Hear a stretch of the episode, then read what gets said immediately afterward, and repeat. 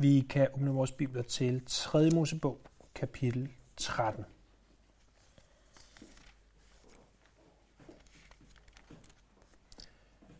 Tredje Mosebog kapitel 13 er en af Bibelens længste kapitler. Det er samtidig også et tekst, hvor at der er mm, rimelig mange gentagelser. Et af de ord, og det ord, som vi helt sikkert vil se gå igen, igen og igen, det er ordet spedalskhed, eller at være spedalsk. Det er det hebraiske ord saraat. saraat.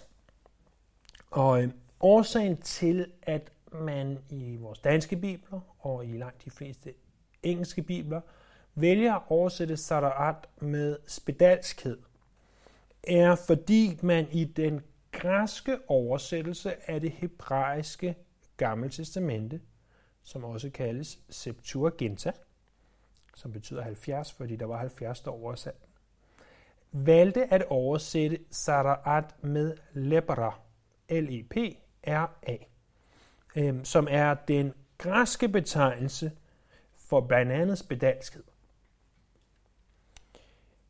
Øhm, vi er usikre på, eller vi er rimelig sikre på, at når der står ordet spedalskhed, så taler det ikke udelukkende om den måde, som vi i det 21. århundrede tænker om spedalskhed på. Øh, den sygdom, som senere også på latin kom til at blive kendt som lepra, og også øh, i hvert fald i folkemund, ikke så meget på dansk, måske mest på engelsk, men, men man bruger det vist også på dansk, så vil jeg kan se som Hansens sygdom, fordi der var en eller anden nordmand, tror jeg han var, der hed Hansen, der fandt ud af, hvorfor at spedalskhed opstod og opstår. Men som vi kommer til at se, så bruges ordet saraat ikke kun om en sygdom på mennesker, den bruges også om noget, der kan ske på tøj, og om noget, der kan ske på ens hjem. Øh, så det burde gøre det ganske klart, at der ikke er tale om spedalskhed, som, som vi umiddelbart tænker på øh, spedalskhed. Vi kan godt i det her kapitel, øh, 3. Mosebog 13, finde visse paralleller til moderne øh, sygdomme, som vi kender. Det kunne være sådan noget som øh, psoriasis, som vitiligo og, og andre sygdomme. Og øh, vi vil også nævne det kort, men, men det bliver oftest gætværk. Øh, og formodentlig nogle af forskellige af jer er jo langt mere øh, medicinsk uddannet, end jeg er, og kan formodentlig se flere ligheder, men jeg, jeg tror ikke på, at det faktisk er det, der er hovedfokus. At hovedfokus er langt mere teologisk, end det er medicinsk orienteret. Som jo er det, der gør sig gældende for Bibelen. Bibelen er historisk korrekt, men det er ikke en historiebog.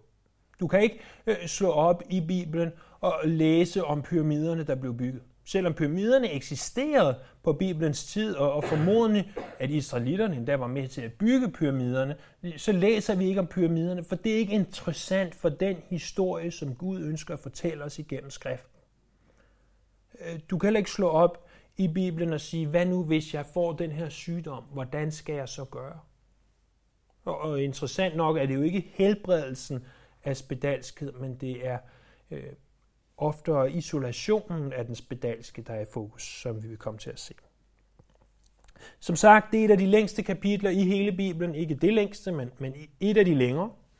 Og derfor vil vi også være nødt til at se det meste fra en slags helikopteroverblik. Vi kommer ikke til at gå ned i hver eneste lille detalje, og det vil for de fleste af os også blive temmelig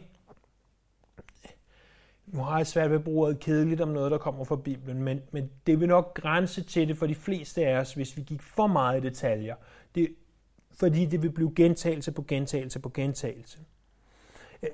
Det, som vi ser, det er, at de første 46 vers, det omhandler forskellige typer af hudsygdomme. For ordets spedalskhed vil måske bedre forstås som forskellige typer af hudsygdomme. Og der gives, øh, har nogen talt sig frem til, ikke mig selv, men andre, 21 forskellige diagnoser i de her 46 vers. Øh, og de kaldes alle, alle sammen for spedalskhed, og lad os ikke narre det her ord. Nogle kan godt være spedalskhed, som vi tænker på det, men andre er øh, ganske givet mere øh, almindelige eller mere gængse hudsygdomme. Præstens formål var om en person kunne erklære sig ren eller uren. Det var det, der ligesom var hovedformålet, således at vi skulle se, om de skulle isoleres eller ej.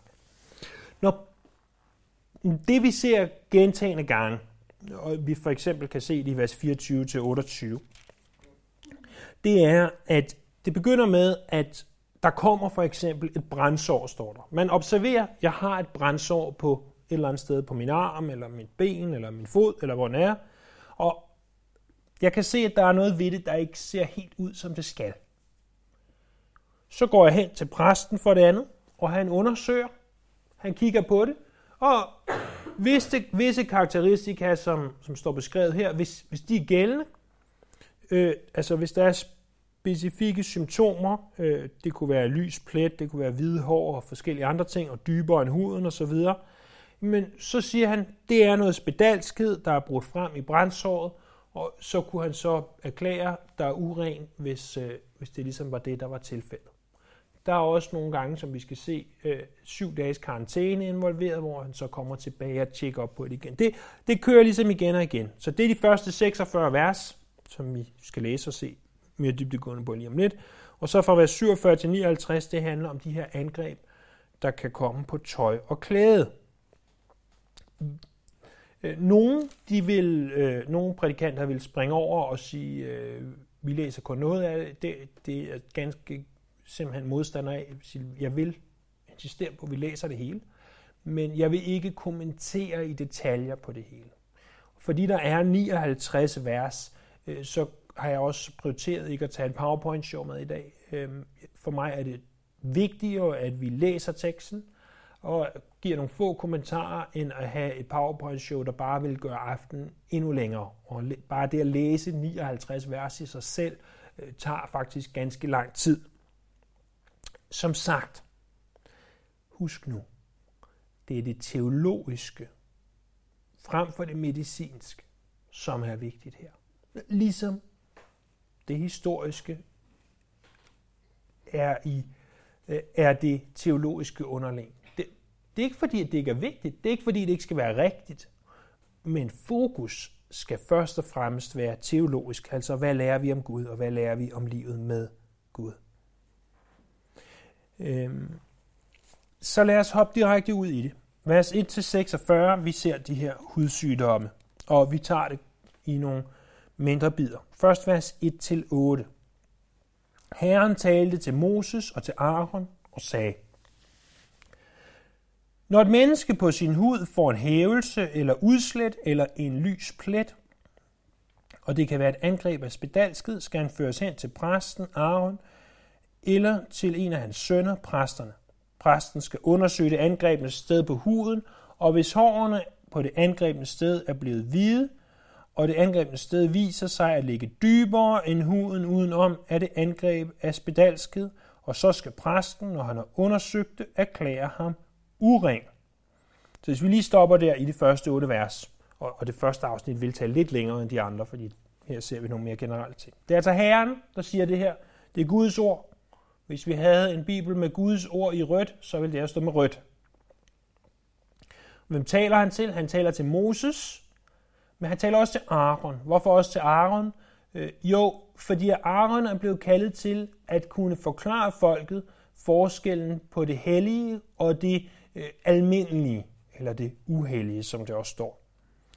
Og, og hvad siger han? Jo, når et menneske opdager, at de har en hævelse, eller et udslet, eller en lys plet, så kan det være et angreb af spedalskhed.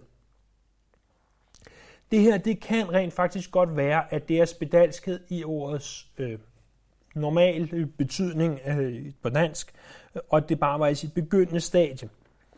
Øh, men i hvert fald så konstaterer de, at der er noget galt. Jeg har en eller anden form for en hudsygdom. Og hvad gør de så? Jo, vers 4. Hvis det drejer sig om en lys, hvid plet på hans hud, og den ikke viser sig at ligge dybere end huden, og hårene ikke er blevet hvide, skal præsten isolere angrebene i syv dage. Så han kan godt se, at der er noget, men det ser ikke alvorligt ud endnu. Han får lige syv dages isolation. Øh, vers 5. Den syvende dag skal præsten undersøge det angrebne sted, og hvis det viser sig, at det er uforandret, og at angrebet ikke har bredt sig på huden, skal præsten isolere ham yderligere syv dage. Så i alt 14 dage. Den syvende dag skal præsten på ny undersøge det angrebne sted, og hvis det viser sig, at det er blevet mat, og at angrebet ikke har bredt sig på huden, skal præsten erklære ham ren. Det er udslet. Han skal vaske sit tøj, han er ren. Så altså, hvis der ikke er yderligere forandringer, hvis det ikke er blevet større, hvis det er blevet mat, jamen så er det udslet, han er ren, og han skal vaske sit tøj. Men så står der i vers 7, hvis udslettet alligevel breder sig på huden, efter han har lavet sig undersøge hos præsten for at blive erklæret ren, skal han på ny lade sig undersøge hos præsten. Så præsten kunne godt sige, du er ren, men hvis der så alligevel skete noget, så gå tilbage til præsten, og så må præsten se på det. Præsten, vers 8, skal undersøge det, og hvis det viser sig, at udslettet har bredt sig på huden, skal præsten erklære ham uren. Det er spedalskhed. Så frem og tilbage mellem præsten og ham, og præsten skal altså erklære ham øh, uren, hvis det har bredt sig, og han siger, det er spedalskhed, eller det er en smitsom hudsygdom, kunne vi også kalde det. Måske spedalskhed i ordets bogstaveligste forstand. Så læser vi videre vers 9. Når et menneske bliver angrebet af spedalskhed, skal han føres hen til præsten. Præsten skal undersøge det, og hvis det viser sig, at der er en hvid hævelse på huden, og at hårene er blevet hvide, og der er dannet sig dødt kød på hævelsen, er det kronisk spedalskhed på huden, og præsten skal erklære ham uren. Han behøver ikke isolere ham, han er uren. R.K. Harrison, som kan to ting, jeg ikke kan. Han er både øh, medicinsk uddannet og øh, en øh, meget dygtig ud i det hebraiske. Så øh, han påstår, at det her, det, det er altså spedalskhed, som vi tænker på spedalskhed. Øh, igen i sit tidlige stadie, siger han, og at fokus er her, er der det døde kød eller ej. Andre siger, at det er ikke spedalskhed, det er psoriasis eller lignende, og, og det er der, hvor jeg tænker, jeg, kan, jeg kan, har ingen jordisk chance for at vide det her. Og øh,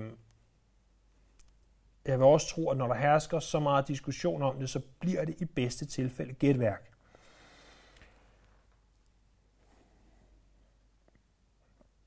Der, hvor der står på dansk, set i slutningen af vers 10, dannet sig dødt kød, har den engelske oversættelse råt kød.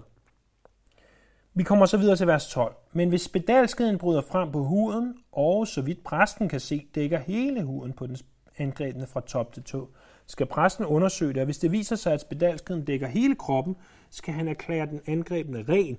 Han er blevet hvid over det hele, han er ren. Men så snart det viser sig, at der er dødt kød på ham, er han uren. Præsten skal undersøge det døde kød og erklære ham uren. Hvis det døde kød er urent, er det deres bedalskhed. Men hvis det døde kød igen bliver hvidt, skal han gå hen til præsten. Præsten skal undersøge det angrebne sted, og hvis det viser sig, at det er blevet hvidt, skal præsten erklære den angrebne for ren. Han er ren. Se, det er jo mærkeligt det her. For det, der står, det er, hvis nu det dækker hele kroppen, så er han ren. Og, og det der, vi bare må sige, vi er ikke sikre på, hvad det her betyder. Jeg er sikker på, at præsterne dengang, med de sygdomme, de havde dengang, øh, havde en bedre forståelse af, hvad det her betød. Øhm, som jeg læste, en bibelkommentator sagde, jamen, øh, det, det er interessant, at, at det var faktisk værre, hvis, hvis det var, hvis nu vi tænker på det, er, rent faktisk er spedalskhed, øh, som der er tale om her, at, at det var i udbrud, end at hvis det dækkede hele kroppen. Vi, ja, vi ved det simpelthen ikke, og jeg har gået frem og tilbage og frem og tilbage og øh, tænkt, de, ja, jeg kan ikke sige noget, som jeg med sikkerhed kan sige, øh, tør sige med sikkerhed. I vers 18, helt ned til vers 28, kommer vi til bylder og brændsår. Når der kommer en byld på huden, og den læs, og, den efter, og efter bylden kommer en hvid hævelse eller en lys rødvidelig plet, skal han lade sig undersøge hos præsten. Præsten skal undersøge den, og hvis den viser sig at ligge dybere end huden udenom, og håren er blevet hvide, skal præsten erklære ham uren. Det er et angreb af spedalskid, der er brudt frem i byen. Men hvis det viser sig, når præsten undersøger den, at den ikke er hvid hår på den, og den ikke ligger dybere end huden, og den er mat, skal præsten isolere ham i syv dage. Hvis den breder sig på huden, skal præsten erklære ham uren. Så er det et angreb af spedalskid. Men hvis den lyse plet er uforandret, og ikke har bredt sig, er det kun et ar efter en byld, og præsten skal erklære ham ren. Så lad os lige stoppe der en gang. Så altså, du får en byld. Det er ubehageligt nok i sig selv, men der kommer et ar, og der er altså noget på det ar, som ikke ser rigtigt ud. Du går til præsten, han kigger på det. Hvis han er sikker på, at det ikke er noget, du bliver, klæd, bliver du erklæret ren, og hvis han tænker, der kan være noget, isolation syv dage, og, og så videre. Ganske som de andre gange. Se, det er gentagelse på gentagelse på gentagelse. Hvorfor, Gud? Tager du ikke bare og koger det her ned, og så siger, her er de generelle retningslinjer. Øh, hvis I ser noget på jeres krop, som ser mærkeligt ud, gå til præsten, så skal han nok kigge på det. Og hvis han mener, at det er spedalskhed, så rører du uden isolation. Eller du bliver erklæret uren. Færdig bum. Nyt kapitel. Det havde været nemmere, men Gud har tiltænkt det sådan her, at det skal altså skrives ud. Øh, I Bibelen på hverdagsdansk, ikke nødvendigvis i det her kapitel, men i nogle af de kapitler, hvor at vi får gentagelser af navne. Øh, det kan være, øh, herre sådan og sådan fik den her søn, og han var af Judas stamme. Og så står det igen og igen. Der er blandt andet nogle kapitler i 4. Mosebog, hvor du har kapitler på 70-80 vers, og det er faktisk det samme, der står bare 12 gange. Der har, har Bibelen på hverdagsdansk været så frække, så de har kogt det ned. Så det, det lange, lange, lange kapitel, det fylder, hvad der vil svare til 8 vers. Og jeg kan godt se, hvorfor de gør det, men jeg er faktisk dybt uenig med den metode at gøre tingene af, af en grund. Det er det ikke sådan, Gud havde tiltænkt det. Øh, jeg ved godt, at vi ikke måske øh, får de store følelser frem af at læse det, men det er sådan, Gud har valgt, at hans ord skal skrives, så det er hans ord. Og øhm, ja. Så vi kunne gøre det, men Gud har valgt, at det skal være sådan her. Så læser vi videre i vers 24. Når der kommer et brændsår på huden, og det døde kød på brændsåret bliver til en lys rødhvidlig eller hvid plet, skal præsten undersøge det, og hvis det viser sig, at hårene på den lyse plet er blevet hvide, og den ligger dybere end huden udenom, er det spedalskhed, der er brudt frem i brændsåret. Præsten skal erklære ham uren, så er det et angreb af spedalskhed. Men hvis det viser sig, når præsten undersøger det, at der ikke er hvide hår på den lyse plet, og der ikke ligger dybere end huden, og den er mat, skal præsten isolere ham i syv dage. Den syvende dag skal præsten undersøge det, og hvis det er bredt sig på huden, skal præsten erklære ham uren, så er det et angreb af spedalskhed, men hvis den lyse plet er uforandret og ikke har bredt sig på huden, og den er mat, er det en hævelse efter forbrænding. Præsten skal erklære ham ren, for det er ar efter forbrænding. Igen fuldstændig det samme. Jeg behøver næppe øh, gentage mig selv. Vers 29 og helt ned til 37. Når en mand eller en kvinde bliver angrebet i hoved eller skæg. Og se, det synes jeg jo er diskriminerende at skrive, når en kvinde bliver angrebet i skægget. Det, det synes jeg er altså ganske provokerende, men er nok ikke helt sådan, det skal forstås. Øhm, skal præsten undersøge det angrebne sted, og hvis det viser sig at ligge dybere end huden udenom, og der er fine gule hår på det, skal præsten erklære ham uren, så er det skov, spedalskhed i hovedet eller skæg. Hvis det viser sig, når præsten undersøger angrebet af skår, at det ikke ligger dybere end huden, og at der ikke er sorte hår på det, skal præsten isolere den, der er angrebet af skår i syv dage. Den syvende dag skal præsten undersøge det angrebne sted, og hvis det viser sig, at skoven ikke har bredt sig, og det ikke er gule hår på det, og det viser sig, at skoven ikke ligger dybere end huden, øh, skal han lade sig rave, men det angrebne sted må han ikke rave. Præsten skal isolere den, der er angrebet af skår yderligere syv dage. Den syvende dag skal præsten undersøge skoven hvis det så viser sig, at skåren ikke har bredt sig på huden, og den viser sig ikke at ligge dybere end huden, skal præsten erklære ham ren. Han skal vaske sit tøj, så er han ren. Men hvis skåren alligevel breder sig på huden, efter at han er erklæret ren, skal præsten undersøge den. Hvis det viser sig, at skåren har bredt sig på huden, behøver præsten ikke undersøge de gule hår nøjere. Han er uren. Og hvis det viser sig, at skåren er uforandret, og at der vokser sorte hår frem på den, er skåren helbredt, han er ren, og præsten skal erklære ham ren.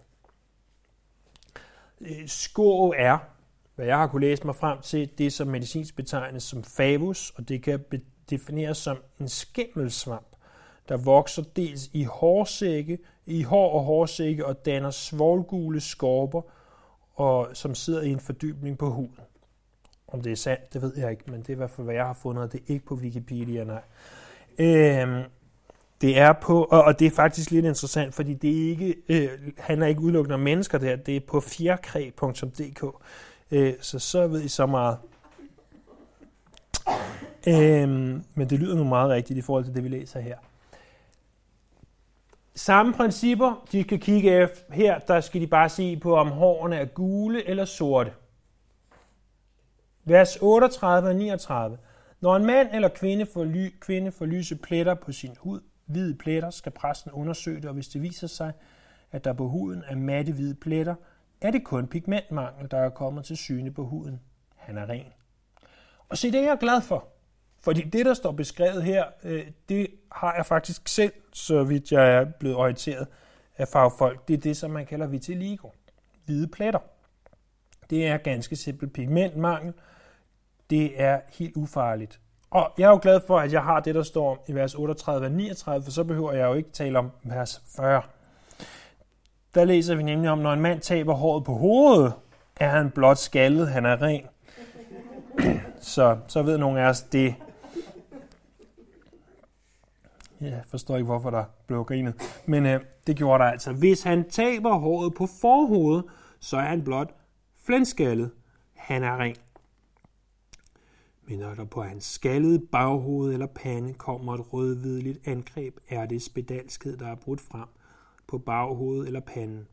Præsten skal undersøge det, og hvis det viser sig, at hævelsen på angrebet, det angrebne sted på baghovedet eller panden er rød, rødlig hvid, og det ser ud som spedalskhed på huden, er han spedalsk, han er uren, præsten skal erklære ham uren, han er angrebet i hovedet. Flere mener, at der her er tale om psoriasis øh, for folk, som er skaldet eller flanskaldet og hvad de er. Øhm, så så det, det er muligt, at det, det der det vil også kunne gøre uren. Husk igen ordet spedalsk. Det er øhm, det er altså et ord, der taler om en smitsom hudsygdom. Og i øvrigt har med R.K. R.K. Harrison, han i øh, sin bibelkommentar over 3. Mosebog, forsøger at give en, en mere teknisk oversættelse af kapitlet. Øh, jeg fik intet ud af at læse det, og jeg læste heller ikke andet end de første par vers. Tænkte, det der, det falder ikke dør af, men øh, det kunne være nogle af jer, vil synes, det var interessant. Nå, nu kommer noget her, vers 45. Den spedalske, der er angrebet, skal bære i turevne klæder. Hans hår skal hænge løst. Og det undrer mig jo lidt, når vi læser, hvad nu hvis han er skaldet. Men øh, han skal tilhylde sit ansigt og råbe, uren, uren. Så længe han er angrebet, er han uren. Han skal bo isoleret og opholde sig uden for lejren. Så hvorfor er det dog, at vi i 44 vers har læst om mere eller mindre suspekte sygdomme. Øh, nogle har fnist over folk, der blev skaldet, andre har tænkt på, at det er godt, at vi ikke har en byld eller et brændsår eller andre ting i den art. Hvorfor er det? Hvorfor inkluderer Gud det her i vores Bibel? Øh, en ganske interessant observation er, at hvis I bladrer tilbage til Bibelens første kapitel, jeg behøver ikke gøre det, men jeg kan observere for jer, at i det kapitel er der 31 vers. De fleste af os kan citere begyndelsen, fordi der står, i begyndelsen skabte Gud himlen og jorden, og det er det, det første kapitel handler om. Det beskrives på 31 vers.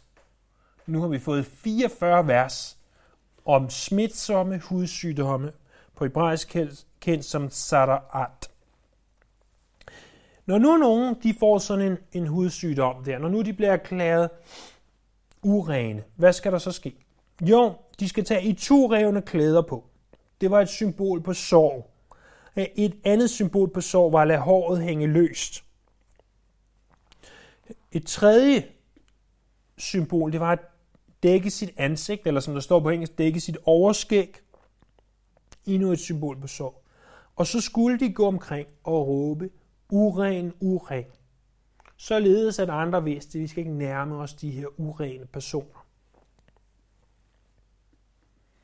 Men værst af alt, han skulle bo isoleret at opholde sig uden for lejren.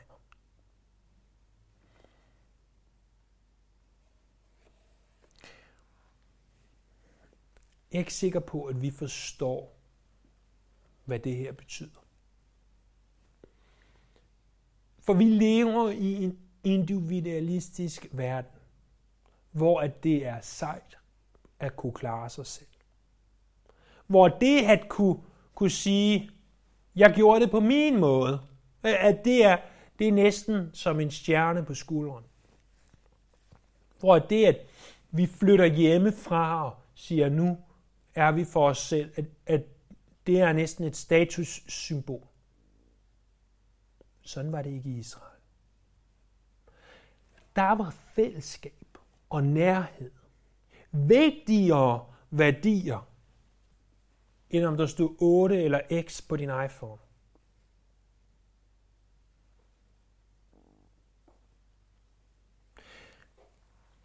Det er også derfor, at når jeg tænker over det her, ikke nødvendigvis hver dag, men når jeg tænker over det, i sammenhold med kirken, så undrer det mig, at nogen, ikke jeg der er her, for så vil I ikke tro det, men at nogen kan tro, at de kan være kirke hjemme hos dem selv, med en MP3-afspiller. Det er ikke kirke. Det, det er at lytte til bibelundervisning. Det er at den moderne måde at læse en bibelkommentar på. Det er ganske godt. Det er prisværdigt. Det bør gøres. Men det er ikke at gå i kirke. At gå i kirke, det er at være sammen med sådan nogen som jer. Så nogen, som nogle gange er lidt irriterende og siger ting, der gør hinanden kede af det. Så nogen som jer, som måske kommer for sent, eller som sidder og falder i søvn, når jeg taler. Så nogen som jer, som kan give opmuntrende ord. Giv et kram, når man er ked af det. Og give en hånd med, når man har behov for hjælp. Det er derfor, at kirken er så vigtig. Fordi hvis vi ikke har den, hvis vi ikke har det fællesskab, så bliver vi ikke formet til at være den person, som Gud ønsker, vi skal være. Så sidder vi derhjemme med vores MP3-afspiller, og lad os aldrig slibe af andre mennesker. Ordsprogenes bog siger, som jern sliber jern, sådan sliber det ene menneske det andet. Og her øh, for nogle måneder siden, der skulle jeg øh, indtale sådan en videobesked til et ung par, der skulle giftes. Tænkte, hvad kan jeg sige, hvad kan jeg sige, hvad kan jeg sige? Jo, så fandt jeg de største og tykkeste teologibøger, jeg har på mit bibliotek, og de er tykke. Og så tog jeg dem op, og så sagde jeg, den her bog, den lærte jeg noget af. Den her bog, den lærte jeg også noget af. Og den her bog, den lærte jeg også en lille smule af. Men næste efter, næste efter selve Bibelen, er det sted, hvor jeg har lært mest om livet med Gud. Det er mit ægteskab, som jo også er en form for fællesskab. Øhm, fordi at, at en ting er, hvad du kan lære i teori igennem en bog. En anden ting er at skulle udleve det med en person, der ligger ved siden af dig. Eller for den sags skyld med mennesker, du ser hver eneste søndag eller onsdag, øh, som du nødvendigvis ellers vil mødes med, eller som du gerne vil mødes med, men de gider ikke tale med dig, eller hvor man nu måtte være i sit liv. Det er så vigtigt for os, og det er også derfor, at forfatteren til Hebræerbrevet i det 10. kapitel siger, lad nu være med at lade være med at gå i kirke. Gå i kirke, sagt med andre ord. Så for dem at blive isoleret, det var næppe en god ting.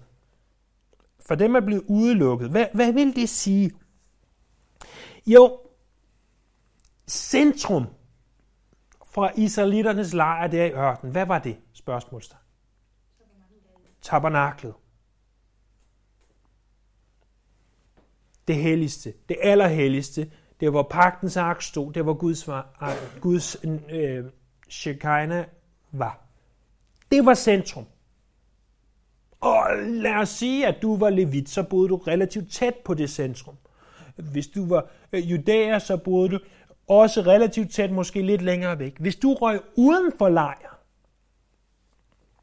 øh, så var det ikke bare fællesskabet med din naboer og din familie, du var fjernet fra. Det var fællesskabet med Gud.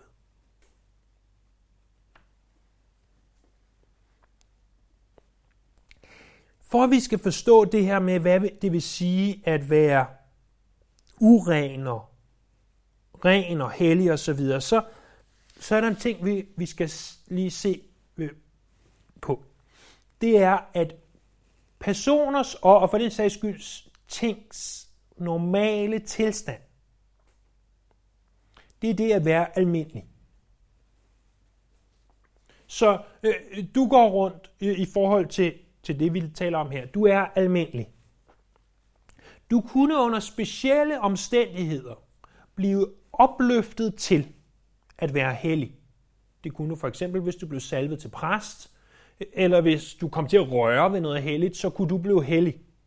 Det er altså, her har vi det almindelige niveau.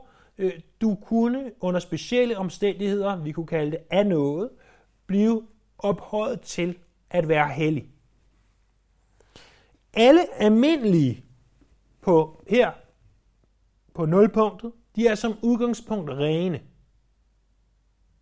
Så vi går rundt i Israel, vi er som udgangspunkt rene. Lad os forestille os, at vi har en linje her. Vi er som udgangspunkt rene. For at blive løftet op til det niveau, der hedder hellig, hvis vi kan tale sådan om det, så er man nødt til at være ren. Man må ikke være under niveauet. Lad os bruge talerstolen her. Her er linjen. Herop, der er at være hellig. Her, der er at være almindelig. Og hvis du var almindelig, var du samtidig ren. Så kunne du foretage dig visse ting, der gjorde, at du blev uren. Du kunne for eksempel få en sara'at, en spedalskhed, en smitsom hudsygdom. Så vil du blive uren, så vil du ryge herned. Det betød, at du var nødt til at komme tilbage herop for igen at kunne blive hellig. og det betyder også, at det, der var herop, må ikke have nogen kontakt med det, der var hernede i det uhellige område. Derfor så sagde man, det der er uheldigt, lad os få det uden for lejren, så det ikke kommer til at røre ved det, der er helligt. Øh, hvis I prøver at bladre et par sider ind til 4. Mosebog, kapitel 5,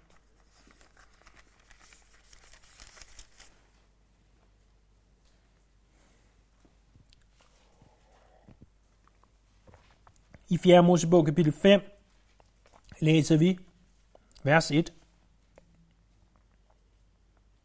Herren talte til Moses og sagde, Giv israelitterne befaling om at sende alle med spedalsket eller udflået, og alle, der er blevet urene ved berøring med lig, ud af lejren. Både mænd og kvinder skal I sende bort. I skal sende dem uden for lejren, så de ikke gør lejren uren hos dem, jeg bor i blandt. Det gjorde israelitterne, de sendte dem uden for lejren. Israelitterne gjorde sådan, som Herren havde befalet Moses.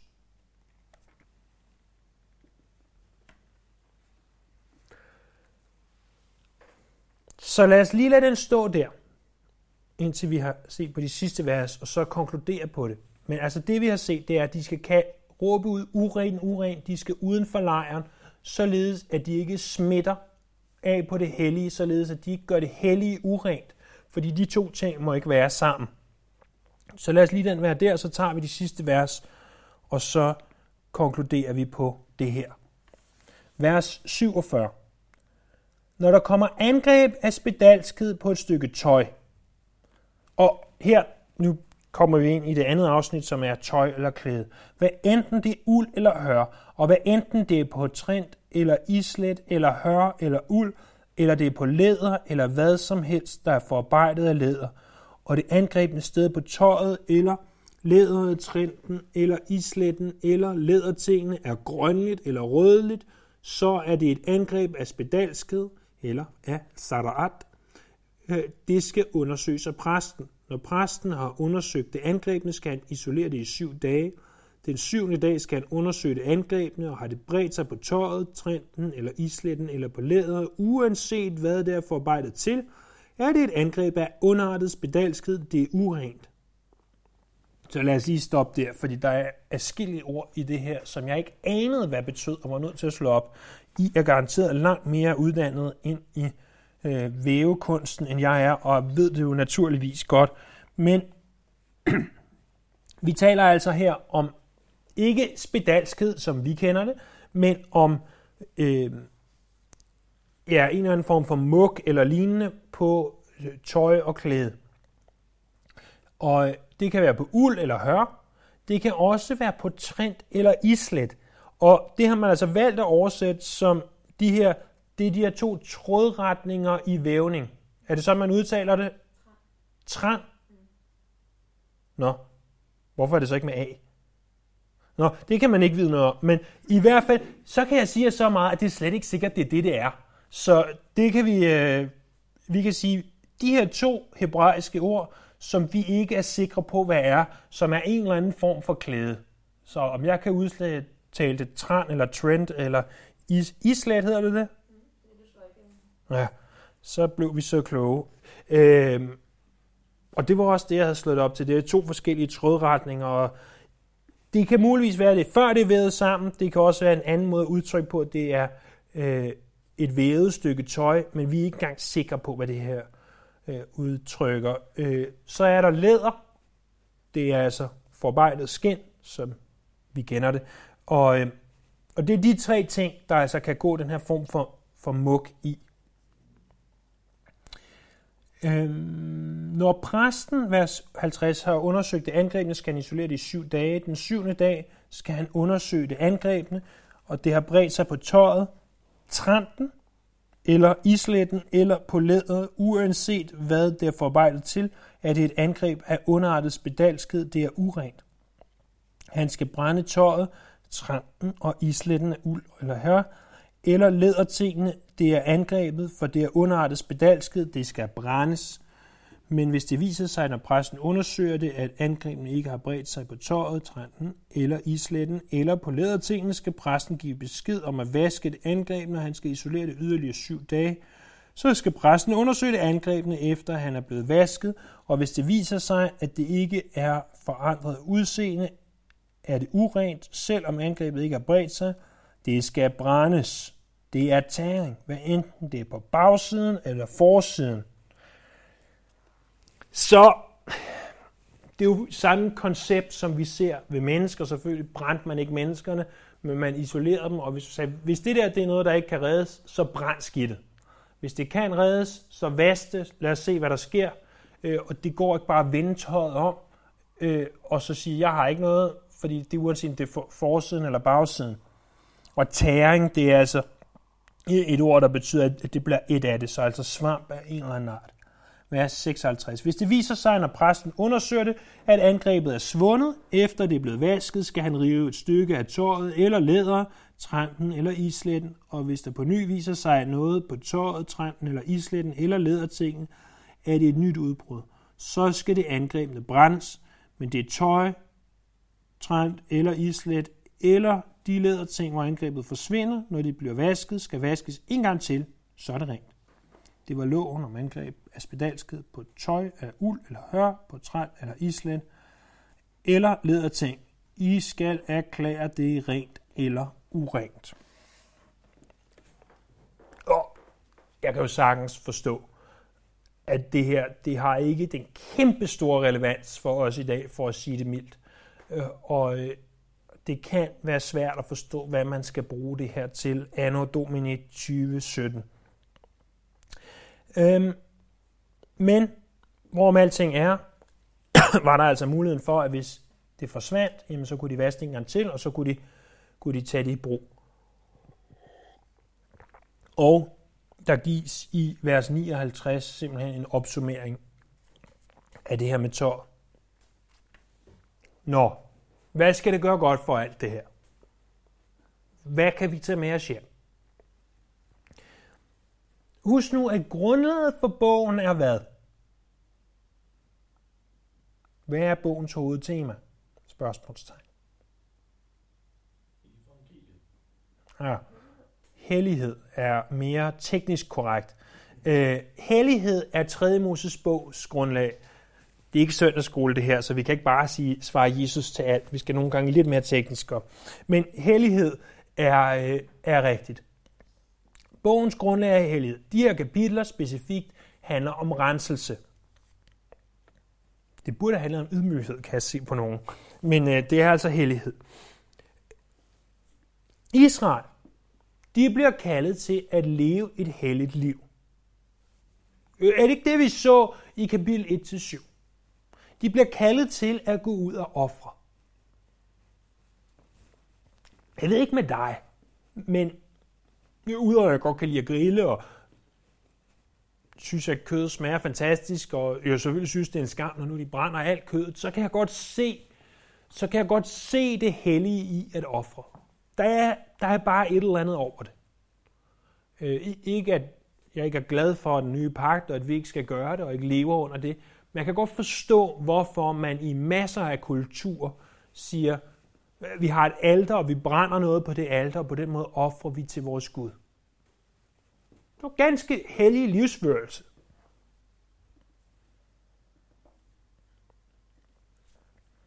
Men nu får de at vide, at hvis nogen har en smitsom hudsygdom, så skal I udskille. Så skal I sige, at I skal bo uden for lejren. Det er fordi, det ikke kun er vigtigt at ofre. Det er også vigtigt, at vi adskiller det, som er rent, fra det, som er urent. Vi kan sige, at hellighed negativt set er, at de skal undgå de smitsomme sygdomme, og hellighed positivt set er, at de skal tilbede Herren. Og sådan er det også hos os. Hellighed positivt set er, at der er nogle ting, vi gør. Vi læser vores Bibel. Vi beder. Vi går i kirke. Vi gør gode gerninger. Der er ting, vi gør. Øh, mere negativt set, så er der nogle ting, vi ikke gør. Det er, at den dårligdom, der påvirker vores liv, øh, at den bør vi undgå. Bjergprædiken taler endda om, at hvis det påvirker vores tanker, der bør vi undgå det. Der bør vi lade det være. Jesus siger ikke bare, at hvis I går ud og er utro, når han siger, hvis I endda tænker på at være utro.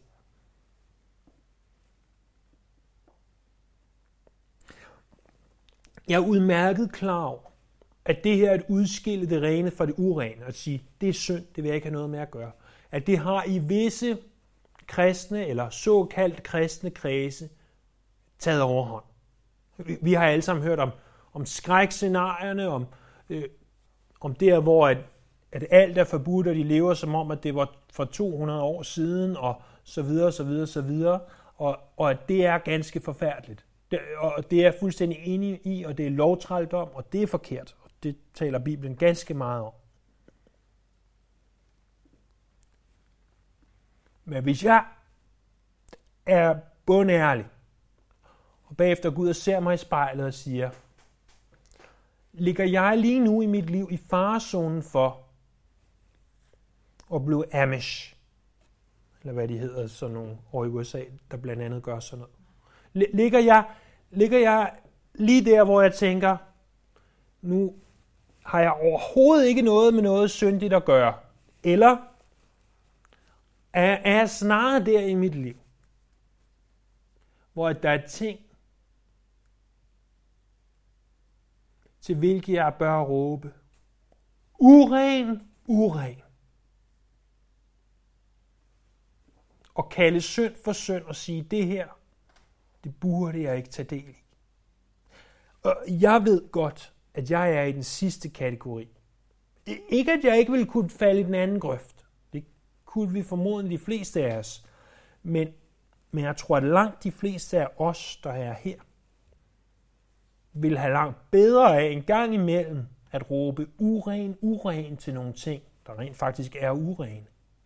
Og sige, det der, det vil jeg ikke have noget med at gøre.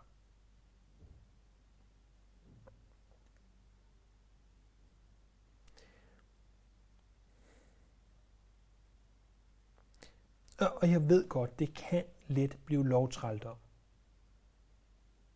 Og, og det er ikke det, der frelser os. Jeg er med på, at vi er frelst af noget, ved at vi tror på Jesus. Og, og det kan vi alle sammen blive enige om. Men kan vi ikke også bede ham om, med den ånd, hans ånd, som bor i os, at hjælpe os til at se, hvornår er noget bør kaldes uren, hvornår noget bør flyttes uden for lejren, der hvor det ikke påvirker det hellige liv. Hvor vi siger, det der, det vil jeg ikke længere have noget med at gøre. Det er det, som jeg tror, øh, er i hvert fald er en af pointerne. Grund til, at det her gentages igen og igen og igen og igen. Og vi kan læse 59 vers, og for at det ikke skal være løgn, så fortsætter vi næste gang i kapitel 14 med meget den samme tråd. At vi, vi kan læse så meget om det her, er fordi, at det skal indbrændes for vores indre øje. Der er forskel på det rene og det urene. Og vi bliver nødt til at udskille det urene. Vi bliver nødt til at skille os af med det.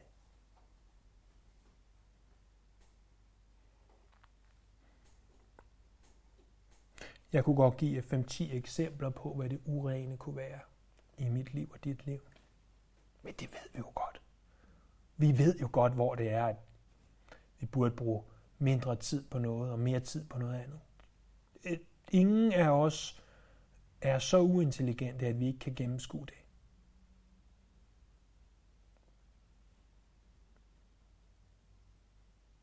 Men jeg ved ikke, om nogen af os er villige til at bøje vores knæ og give det op.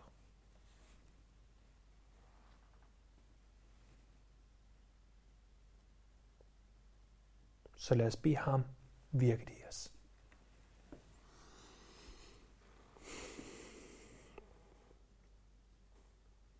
Åh her, når, når vi tænker på de stakkels pedalske mennesker, som blev syge, som blev smidt uden for lejr. Stakkels mennesker, set som mennesker. Men fordi at du ikke vil blande det hellige med det urene, så tænker jeg, hvor hvilken tåbe jeg er, når jeg blander, hvad der er urent med det, som er helligt. Må du her arbejde i vores liv. Må du røre ved vores hjerter. Må du forny vores ånd.